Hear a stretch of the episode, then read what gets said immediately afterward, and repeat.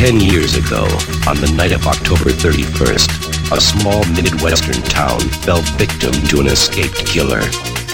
Under the cover of darkness, he carried out the most horrifying mass murder on record.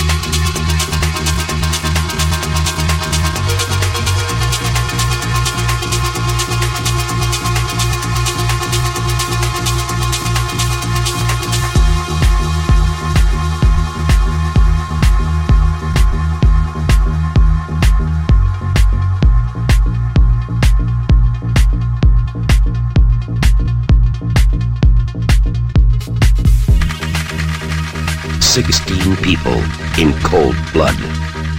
Ever since that night, no one has forgotten his name. And Halloween has never been the same.